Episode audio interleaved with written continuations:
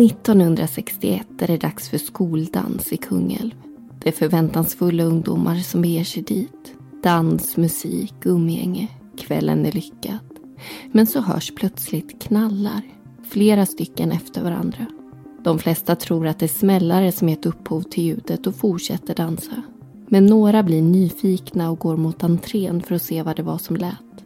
Då möter de flera ungdomar som blöder. Och det stod snart klart att det inte var smällare. Det var en riktig pistol som avfyrat riktiga skott. Panik uppstår och ungdomarna blir tillsagda att stanna i danslokalen. Någon går uppenbarligen runt med vapen.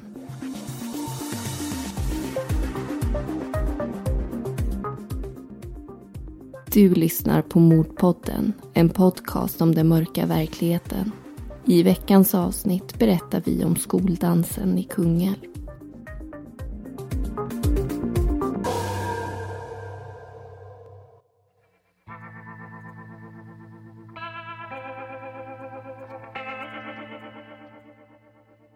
Vi har alla olika upplevelser av vår skoltid. Du kanske ser tillbaka på den som en fin och enkel tid i jämförelse med det allvarliga vuxenlivet med tillhörande ansvar som sen tog över. Eller så kanske du ser tillbaka på den som problematisk. En tid där du försökte hitta dig själv och samtidigt skulle leva upp till lärares, föräldrars och dina egna högt uppsatta krav. Oavsett vilka känslor man förknippar med skoltiden hoppas man att alla barn och ungdomar i alla fall förknippar skolan med en trygg plats. Har man det tufft hemma vill man att skolans väggar ska agera sköld mot omvärlden. Ge eleverna en chans att andas ut. Och det ska också vara en trygg plats. Men det finns tillfällen genom historien där den där trygga bubblan har spruckit. Där oron inte handlar om läxförhör eller kompisproblem utan faktiskt om liv och död. Det är precis en sån händelse som vi ska berätta om i det här avsnittet. Så vi tillsammans kan minnas skolskjutningen som ägde rum i Kungälv 1961. Ragnar växer upp i ett tryggt hem med sina föräldrar och lillebror. Skoltiden flyter på utan några bekymmer. Han kommer bra överens med sina klasskamrater och sköter sina uppgifter. Han går ett år i realskolan men bestämmer sig sen för att hoppa av.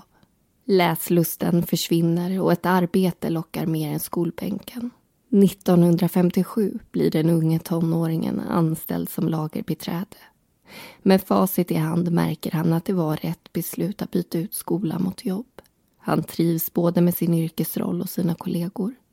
Han är mån om att göra bra ifrån sig och blir snabbt omtyckt och uppskattad av de han jobbar med och även sina chefer.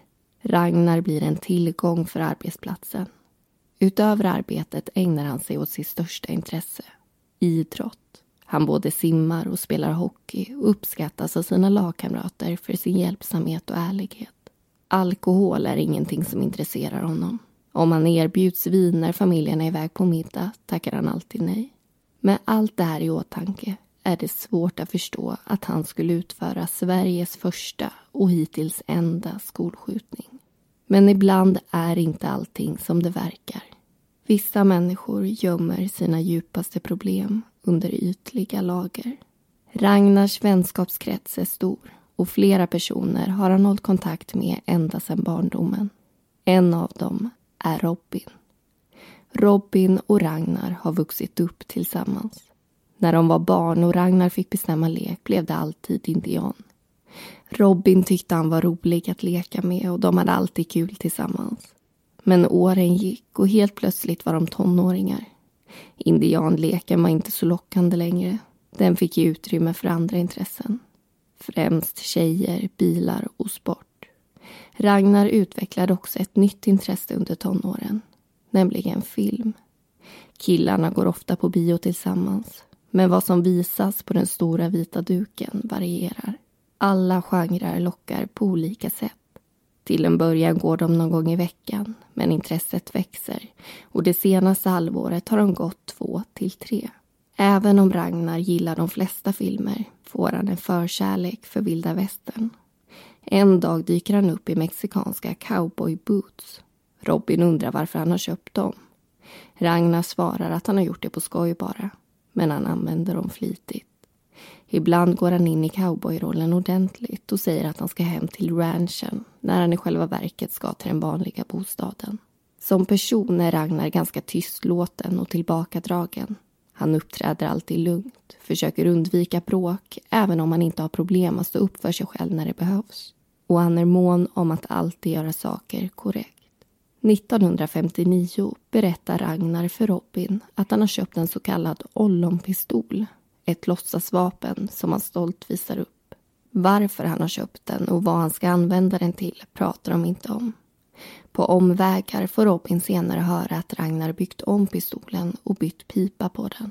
Ungefär två veckor innan skoldansen 1961 kommer Ragnar med en till överraskning. Han har köpt en ny pistol. Men den här gången en riktig. Robin får se den och nu kan han inte låta bli att fråga hur vännen får tag i den och vad han ska ha den till. Ragnar svarar att han har köpt den av en kollega och att han ska skjuta med den uppe i skogen. Robin är inte den enda som Ragnar visar upp sina vapen för. En vän som han känner sedan tre år tillbaka är välbekant med hans ollonpistol som han köpte först. Ragnar hade den ofta med sig när de träffades och vännen var också med när han försökte borra upp den och provsköt den utanför brandstationen utan att det gick något vidare. En månad innan skoldansen kommer Ragnar hem till sin vän och berättar att han har köpt en ny pistol. Han frågar också om det är okej att han förvarar den hos honom. Det får han. Vapnet läggs ner i en låda och där får den ligga några dagar. Men vännen känner att nyfikenheten växer och han tar fram pistolen för att titta på den. Han som trodde att det var en ny ollonpistol får en chock när han förstår att det är ett riktigt vapen han har hemma hos sig. Chocken övergår snabbt i panik och när han träffar Ragnar nästa gång säger han åt honom att ta med sig pistolen. Han uppmanar honom också att slänga den i älven. Det är nog bäst så. Men Ragnar håller inte med. Han tänker behålla vapnet. En eftermiddag i slutet av februari hör Ragnar istället av sig till en annan, relativt nyfunnen vän som tidigare varit med honom ute i skogen och provskjutit pistolen. Ragnar frågar om han har möjlighet att förvara vapnet åt honom tills vidare. Vännen går med på det och tillsammans hämtar de pistolen och fem askar med ammunition. Lördagen den 4 mars dyker Ragnar plötsligt upp och säger att han ska hämta sitt vapen.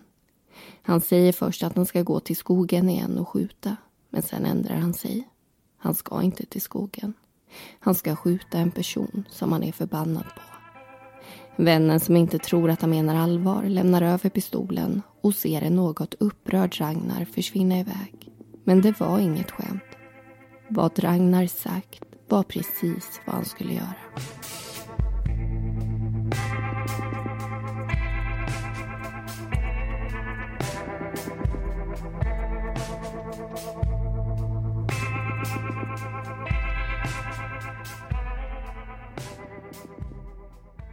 Och där tar den eh, första berättelsen slut och vi välkomnar er som lyssnar in i den första diskussionen.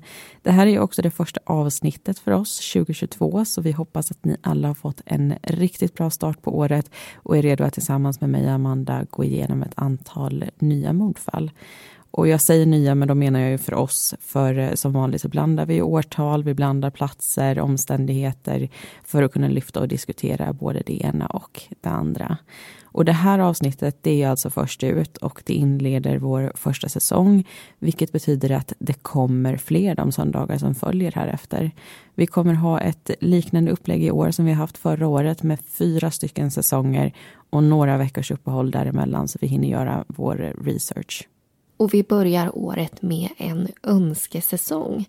I sex veckor kommer vi alltså berätta om fall som ni lyssnare har tipsat oss om. Som vanligt så hittar ni oss i podmi appen där det alltså kommer komma många avsnitt det här året så vi hoppas att ni vill hänga med. Och vi börjar året i Kungälv. Där är ett av våra äldsta avsnitt någonsin faktiskt. Det ägde rum 1961, det är alltså över 60 år sedan. Och i den här diskussionen tänkte vi prata om Ragnar Ragnars personlighetsdrag, hans eventuella intresse för vilda västern och framför allt om hur han fick tag i vapnet som han sedan använde för att faktiskt döda en person och skada sex. Det kommer vi att höra mer om senare i avsnittet.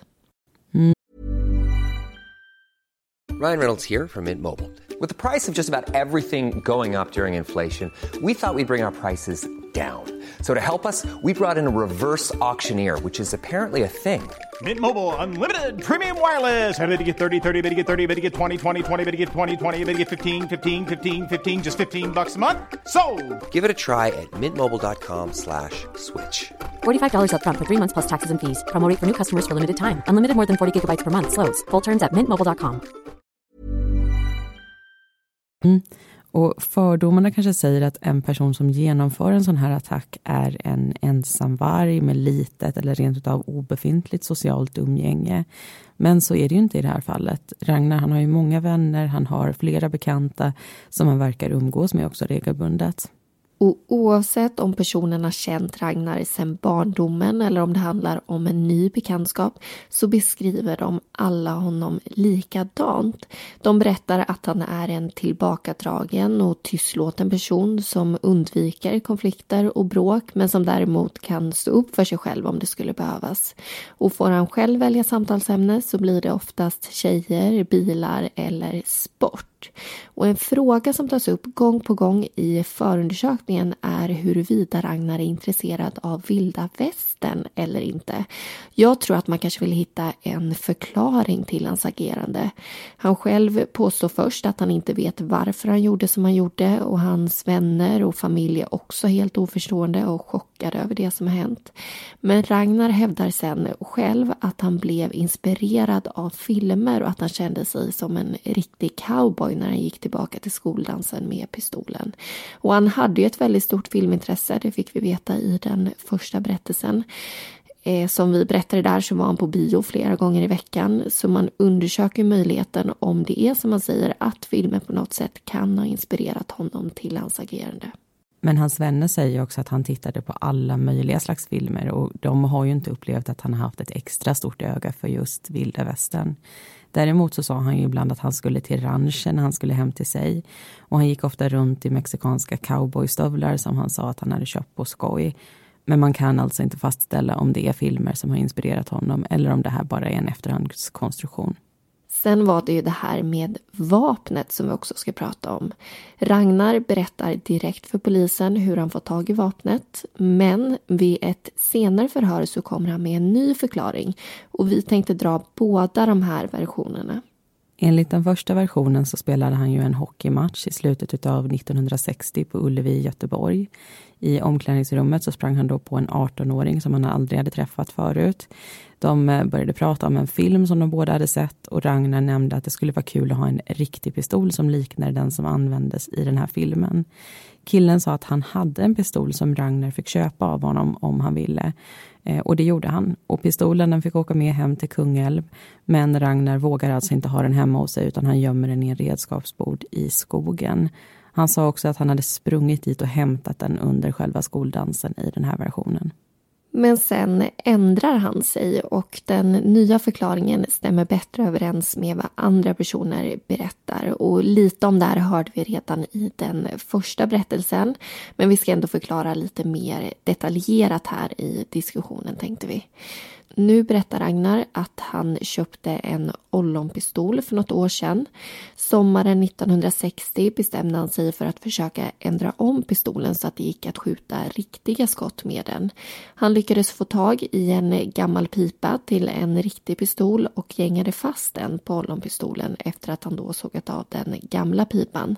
Den här ändringen gjorde det möjligt att skjuta salongsgevärsskott Ragnar visste dock inte hur han skulle få tag i ammunition men sen så pratade han med en bekant som kunde hjälpa honom med det. Och någon dag senare så fick han 50 skott som han sköt upp i skogen.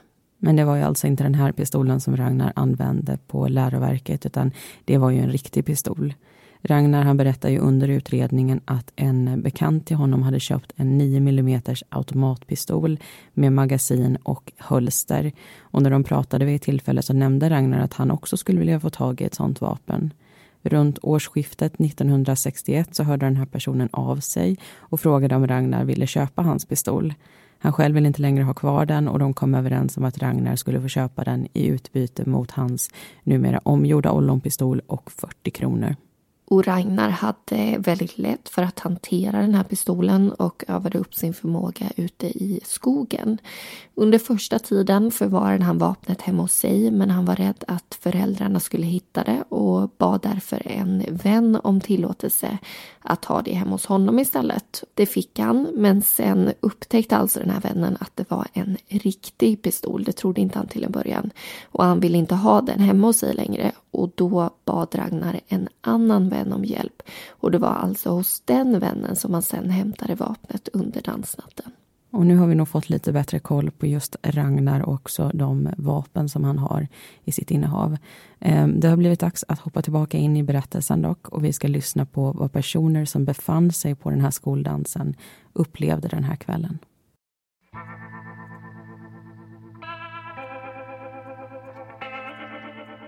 Det är lördagen den 4 mars 1961. På läroverket i Kungälv är förberedelserna i full gång inför den stundande skoldansen. På byggnadens första våning ligger entrén och lärosalar. Följer man trappan upp till den andra våningen hittar man musiksalen som den här kvällen skulle förvandlas till en danslokal. En kollega till Ragnar har besök av en vän från Göteborg och anordnar en hemmafest samma kväll. På bordet är ett fat framdukat med frukt, en flaska svart vinbärsbrännvin och fyra vinglas. Ragnar är en av de inbjudna. Han dyker upp strax före klockan fem. De sitter runt bordet och pratar och dricker några glas. Klockan kvart över sju drar en person fram en startpistol. Ragnar, som är intresserad av vapen, blir nyfiken och vill veta mer. Personen visar pistolen och avlossar även två skott för att demonstrera hur den fungerar. Ragnar vill också dela med sig av sin kunskap och berättar hur man ska gå tillväga för att avväpna en pistolförsedd person. Strax därpå frågar någon om de andra vill följa med och ta lite frisk luft. Han själv ska vidare till en restaurang och känner att han behöver nyktra till lite först. Men Ragnar säger att han inte kan stanna och lämnar festen. Vid busstationen springer han in i en bekant som frågar om han inte ska följa med till skoldansen. Ragnar blir sugen och säger att han hänger på. Killarna tar sällskap dit men skiljs åt vid ingången. Ragnar går till tv-rummet där han träffar en gammal skolkamrat. Han berättar att han har varit hemma hos en kollega och druckit sprit. Ragnar slår sig ner vid ett fönster och får snart sällskap av en person som frågar om han kan bjuda på en cigarett. Ragnar verkar inte förstå vad han säger. Han sitter frånvarande och stirrar in i en vägg och frågan lämnas obesvarad. Det tar ett tag innan han dras tillbaka till verkligheten och förstår att någon pratar med honom. Han berättar då att han inte har någon cigarett att bjuda på. Och det är fler personer som får små glimtar av Ragnar under kvällen. Klockan tio går han ut och knackar ur sin rökpipa i huvudet på en person som frågar vad han håller på med. Ragnar svarar att han bara knackar ur sin pipa. Han vänder sig därefter till en annan person som står strax intill och håller upp pipan framför munnen som en mikrofon och börjar intervjua personen på engelska om en ishockeymatch. Trots att många skulle blivit förbannade av att få piprester i huvudet uppstår inget bråk. Däremot hamnar Ragnar i en annan konflikt inomhus. En konflikt som får honom att storma därifrån och gå och hämta sitt vapen. Vid busstationen i Kungälv står två tjejkompisar och pratar. De får syn på Ragnar som kommer fram och frågar om de vill följa med honom till läroverket. Tjejerna säger nej till erbjudandet och Ragnar går därifrån. Men de ändrar sig snabbt och ropar att de visst gärna följer med. Ragnar stannar och väntar på att de ska komma ifatt honom. Sen tar de sällskap med siktet inställt på läroverket och skoldansen. Plötsligt tar Ragnar fram en pistol och ett pistolhölster som han har förvarat i en av sina fickor. Han sätter fast hölstret i sitt skärp och lägger i pistolen. Så här ska det sitta.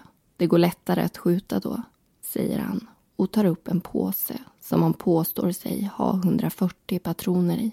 Sen tar han upp vapnet och skjuter ett skott rätt upp i luften. Han berättar att han ska skjuta en person vid läroverket men att tjejerna absolut inte får berätta det för någon. Tjejerna försöker övertala honom att låta bli och förklarar att han kommer ångra sig och förmodligen inte tänker klart nu när han är berusad. En bekant till Ragnar får syn på honom och tjejerna och springer i fatt och hejar. Han ska också till läroverket så de tar sällskap allihop. Det lilla gänget kommer fram till en bro. På andra sidan tar Ragnar upp i solen igen och höjer den i luften. En av tjejerna griper tag i hans arm för att få ner den. Sen springer de iväg och gömmer sig bakom ett staket i närheten. Kom tillbaka, det är inte er jag ska skjuta, säger Ragnar. Men tjejerna är inte intresserade av att mötas upp igen. Så fort Ragnar och den andra killen hunnit iväg en bit springer de tillbaka till busshållplatsen. Strax efter klockan 23 lämnar två personer dansen på läroverket för att bege sig in mot Kungälvs centrum. De har hunnit gå ett 50-tal meter när de möter Ragnar som går i rask takt och hejar på honom. Men Ragnar hälsar inte tillbaka. Han slår istället med handen på Hey, I'm Ryan Reynolds. Recently, I asked Mint Mobile's legal team if big wireless companies are allowed to raise prices due to inflation. They said yes. And then when I asked if raising prices technically violates those onerous two year contracts, they said, What the f are you talking about, you insane Hollywood ass? So to recap, we're cutting the price of Mint Unlimited from $30 a month to just $15 a month. Give it a try at mintmobile.com slash switch. $45 upfront for three months plus taxes and fees. Promo for new customers for limited time. Unlimited more than 40 gigabytes per month. Slows. Full terms at mintmobile.com. sin högra sida och säger Nu jävlar i mig blir det pang-pang. Killarna förstår inte alls allvaret i det han säger utan fortsätter promenera. Sofie är en av ungdomarna som befinner sig på läroverket den här kvällen. Hon dansar flera danser med en kille som heter Uffe. Men efter ett par låtar kommer de överens om att ta en paus och gå ut och röka tillsammans. De går ner för trappan och ut genom entrédörren. Cigaretterna åker fram och tänds i ena änden. När de står och pratar hör Sofie plötsligt röster från parkeringsplatsen på skolgården. Hon vänder sig om och får se Ragnar komma emot dem med en pistol i ena handen som han riktar mot dem i höfthöjd. När han befinner sig några meter bort smäller det till. Uffe tar sig om högra höften och ramlar omkull. Sofie blir rädd. Hon förstår inte vad det är som händer. Men så ser hon att Uffe blöder. Sofie försöker komma in i foajén men det händer ingenting när hon rycker i dörren. Den är låst. Ragnar har samma tanke. Han tar tag i dörren bredvid som öppnar sig. Sofie kommer av sig. Du behöver inte vara rädd. Jag tänker inte skjuta dig. Säger Agnar innan han rusar in. Tre ungdomar befinner sig på andra våningen precis intill trappan.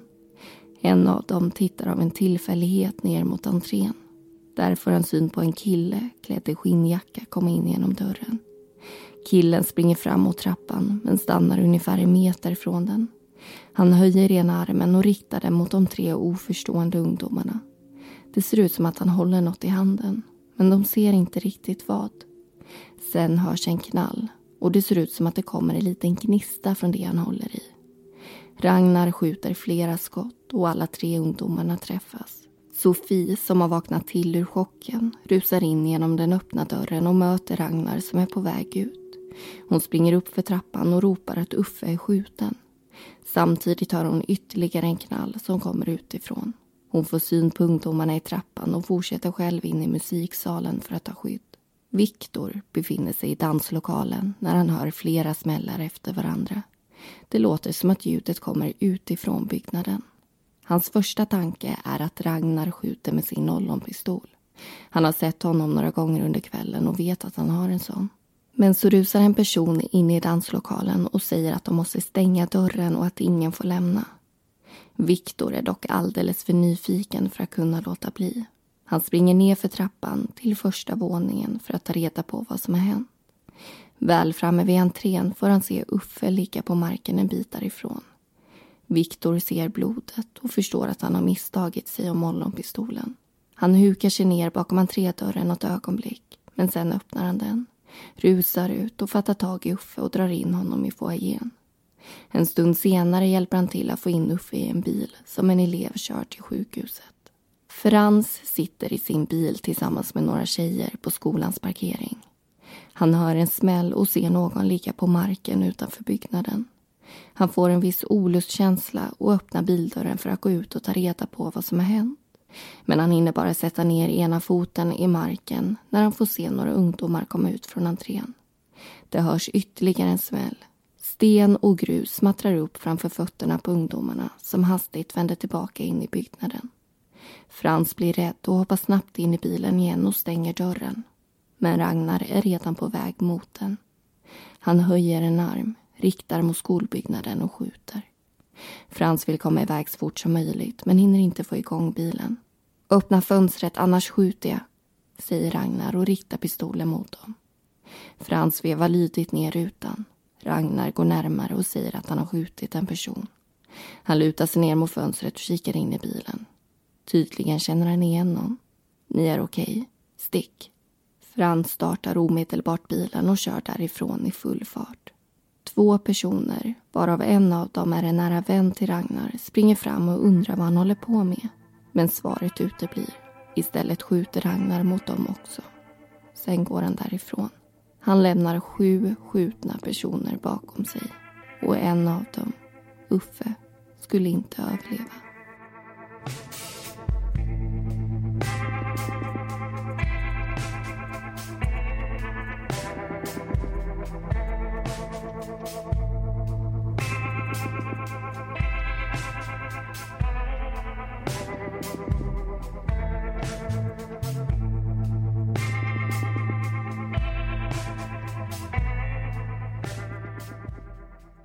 Mm, då är vi tillbaka in i diskussionen. Och den här gången så ska vi prata om ämnet skolattacker och skolskjutningar som såklart är väldigt relevant i det här fallet. Och även om det inte tillhör normen så har vi ju haft flera attacker på skolor här i Sverige. Men i de fallen så har ju stickvapen använts, det vill säga knivar, saxar, svärd och så vidare. Men skolskjutningen 1961, det är faktiskt den första och hittills enda som har skett i Sverige. Och så får vi ju verkligen hoppas att det också förblir. Ja, och just därför så tycker jag det är märkligt att det inte har pratats mer om den här händelsen. Eller jag kan ju bara prata utifrån mig själv såklart.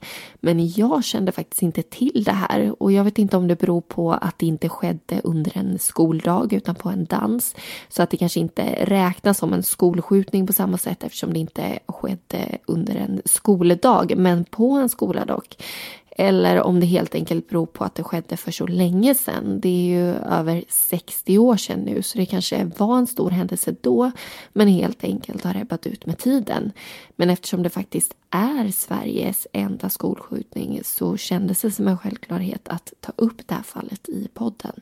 Och det är ju tyvärr också ett väldigt aktuellt ämne. Förra året så tog ju sig en 15-åring in på en skola i Eslöv med kniv.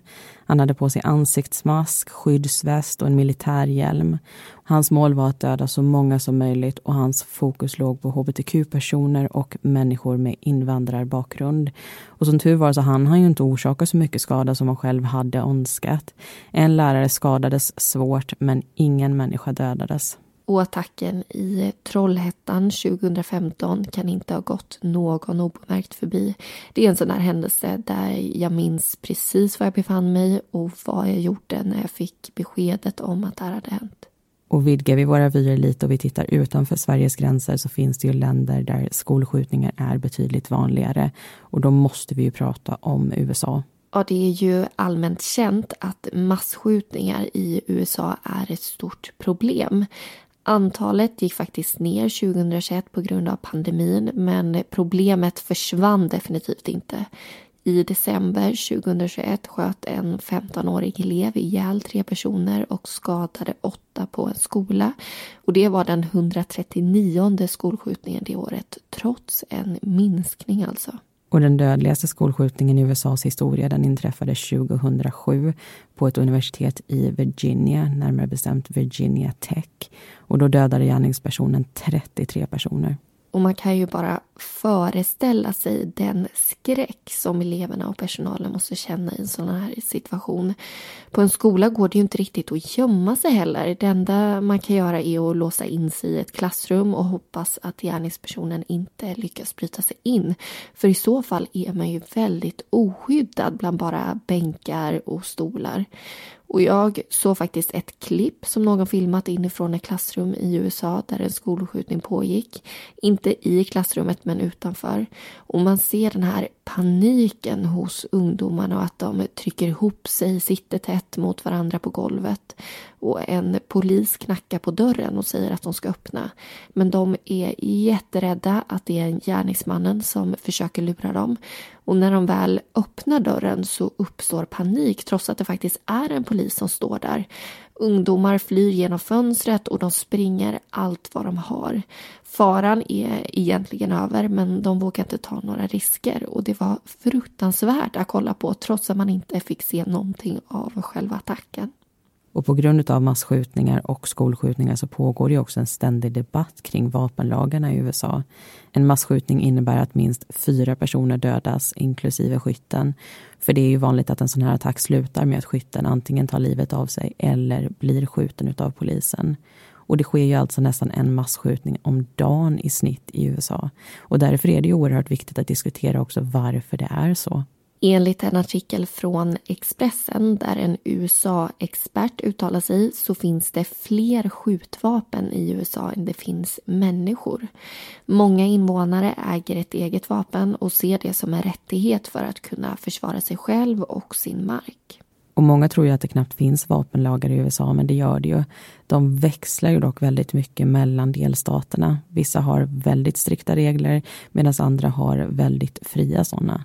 Men grundprincipen enligt den här artikeln det innebär ju att alla enskilda amerikaner har rätt att bära vapen för att skydda sig själva. Och just den här frågan splittrar ju befolkningen. En del vill skärpa vapenlagarna så att färre personer tillåts bära vapen och tror att det skulle resultera i färre skjutningar. Andra tänker helt tvärtom att det borde finnas fler beväpnade personer för att skydda allmänheten mot beväpnade galningar. De tänker till exempel att det borde finnas vakter med vapen utanför skolor och att lärare borde få bära vapen i skolan utifall att de skulle drabbas av en skolskjutning. Personligen så tror jag inte att ännu mer vapen skulle resultera i färre skjutningar. Och jag tror inte heller att det är en slump att det sker så mycket skjutningar i ett land där vapenlagarna ändå är väldigt tillåtande. Nej, och det är säkerligen en stor anledning till det. Men samtidigt är det nog väldigt svårt att åtgärda eftersom samhället har ju varit uppbyggt på ett specifikt vis under en väldigt lång tid. Och som man vet med förändringar så ska det ju gå långsamt för att det faktiskt ska hålla. Men vi ska inte snöa in oss för mycket i den här debatten. Vi vill ju mest ta upp det här för att sätta dagens fall i perspektiv. Förstå sådana här fenomen till viss del. Och nu ska vi åter fokusera på Sveriges enda skolskjutning. Det har blivit dags att höra vad som hände den här skoldansen 1961 ur Ragnars perspektiv. Det här är hans version av hur det hela gick till.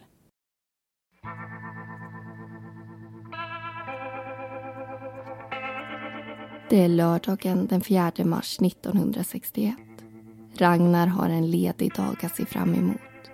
Trots att han inte ska gå till sitt jobb som lagerarbetare kliver han upp klockan nio. Frukosten dukas fram och cowboystövlarna som precis kommit tillbaka från lagning hos skomakaren åker på. Han beger sig iväg till ett café där han möter upp några vänner. De spelar grammofonskivor och har en allmänt trevlig stund tillsammans. Klockan halv ett lämnar Ragnar kaféet ensam. På kvällen går han iväg till en kollega som har hemmafest. Det bjuds på drinkar. Ragnar brukar vanligtvis inte dricka alkohol men gör ett undantag den här kvällen. Klockan åtta lämnar han bostaden och gör sällskap med en kompis som ska med en buss till Göteborg. Väl framme vid busshållplatsen inser de att bussen redan har avgått. Det är en timme kvar tills nästa går. Men Ragnar stannar och gör vännen sällskap. Precis efter att bussen har åkt dyker en annan person upp och frågar om inte Ragnar ska följa med till skoldansen på läroverket. Det vill han, så de går dit tillsammans. Ragnar tillbringar först en stund i tv-salen men går sen och kollar läget i danslokalen som ligger på andra våningsplanet. Han dansar inte, men tittar på de andra ungdomarna som gör det. Han får syn på en kille som sitter vid ena väggen Ragnar känner igen honom. Han vet att han är intresserad av boxning och får för sig att han ska skoja och retas med honom lite. Ragnar går fram, knyter högra handen framför ansiktet på killen och säger Får man klippa till? Ragnar tilldelar ett lätt knytnävslag på vänstra sidan av ansiktet. Killen brusar upp och säger att Ragnar kommer få igen när dansen är slut. De kommer överens om att ses runt midnatt utanför skolan och göra upp. Ragnar är inte glad över det faktum att han blivit utmanad. Ilskan blossar upp och han bestämmer sig för att hämta sin pistol och skjuta den andra killen utanför skolan när det är dags för deras uppgörelse. Ragnar går hem till vännen som bevarar vapnet åt honom och hämtar det. Men på vägen till läroverket stöter han på två tjejer han känner igen vid centralstationen. Han frågar om de vill följa med honom till skoldansen, vilket de efter lite funderingar vill. När de passerat en bro känner Ragnar att han måste testa så pistolen verkligen fungerar. Han tar upp den och skjuter ett skott rätt upp mot himlen och förklarar att han ska skjuta en kille med pistolen. Tjejerna blir rädda och springer så småningom därifrån.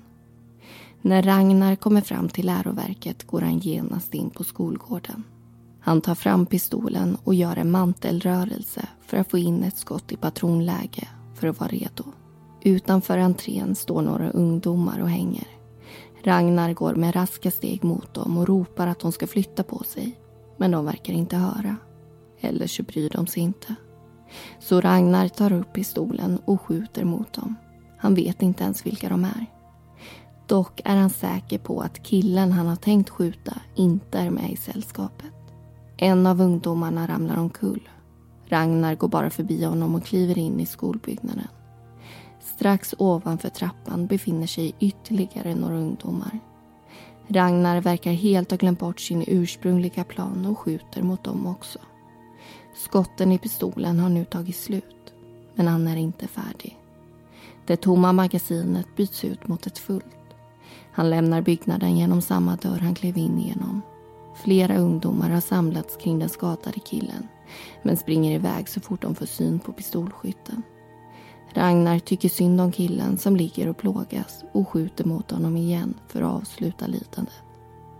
När han gått ungefär 30 meter avlossar han några skott rakt upp i tomma intet och ett skott mot skolbyggnaden. Det går igenom rutan till danslokalen där många ungdomar befinner sig för att skydda sig mot det som pågår utanför. Som tur är blir ingen träffad. Skottet går upp mot taket där det träffar en betongbjälke. Ragnar går fram till en personbil som står parkerad med flera ungdomar i. Han säger att de inte behöver vara rädda och att han inte tänker skjuta dem men att de måste åka därifrån på en gång. Pistolen har han laddat med åtta skott. När bilen har åkt ungefär 20 meter går Ragnar ner i knästående position och skjuter mot bilens vänstra bakdäck. Strax därefter kommer två ungdomar gående in på skolgården. En av dem är nära vän med honom och ropar frågande vad han håller på med. Ragnar tar då upp sin pistol och skjuter mot dem också. I efterhand har han sagt Jag tänkte nog ingenting utan bara sköt på allt som rörde sig. Sen lämnar han skolgården med raska steg och springer över några fält ner till en bäck. Han följer vattnet ungefär 40 meter innan han korsar bäcken. Det är ett misstag. Vattnet är djupt och fyller cowboystövlarna. De åker därför av och han fortsätter vidare i bara strumpor. Trots det går han snart i vattnet igen. Han har nämligen hört att hundar har svårt att nosa upp spår då. I närheten av Folkets park lägger han sig i en buske och slumrar till en stund. När han vaknar igen fryser han, men fortsätter gå. Han lägger sig så småningom bakom en stenmur. Där är han skyddad samtidigt som han kan spana för att se om någon är ute efter honom. Mycket riktigt ser han flera bilar som lyser med sina strålkastare över fälten. Ragnar fortsätter gå och tar sig in på ett industriområde. Han ser flera gråklädda polismän gå och leta längs med vägen så han smyger sig längre in bland byggnaderna för att gömma sig bättre. Ett garage visar sig till hans glädje vara olåst. I garaget står två lastbilar parkerade. Ragnar slår sönder rutan på den ena för att kunna öppna dörren. Inne i förarhytten somnar han snabbt. Han har ingen aning om vad klockan är när han vaknar men det har hunnit bli fullt dagsljus. Ragnar röker en cigarett innan han beger sig ut på vägarna igen till fots. Plötsligt tutar en bil kraftigt.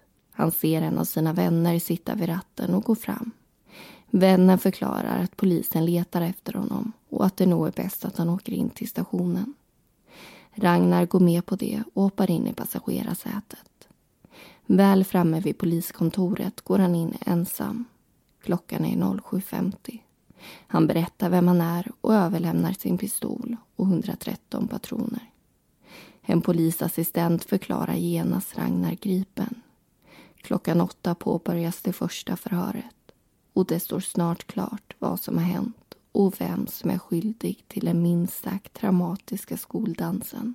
Ragnar kan inte förklara sitt handlande, men han säger så här. Jag har tänkt mycket på detta, men det enda jag kan komma fram till är att min tankeförmåga måste varit helt bortkopplad så att jag handlat rent mekaniskt utan att tänka eller förstå vad jag gjorde.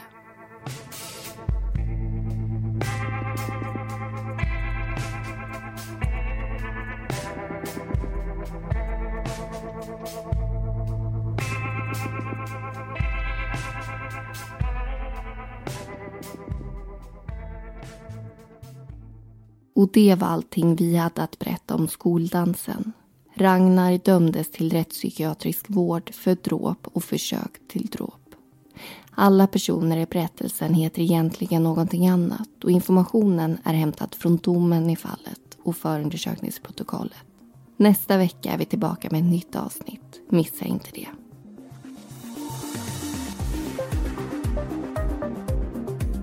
Du har lyssnat på ett avsnitt av Mordpodden. Vi som producerar den heter Amanda Strömqvist och Linnea Bolin. Bakgrundsmusiken var bland annat Soaring av Kevin MacLeod och Deep Space av Audionautics.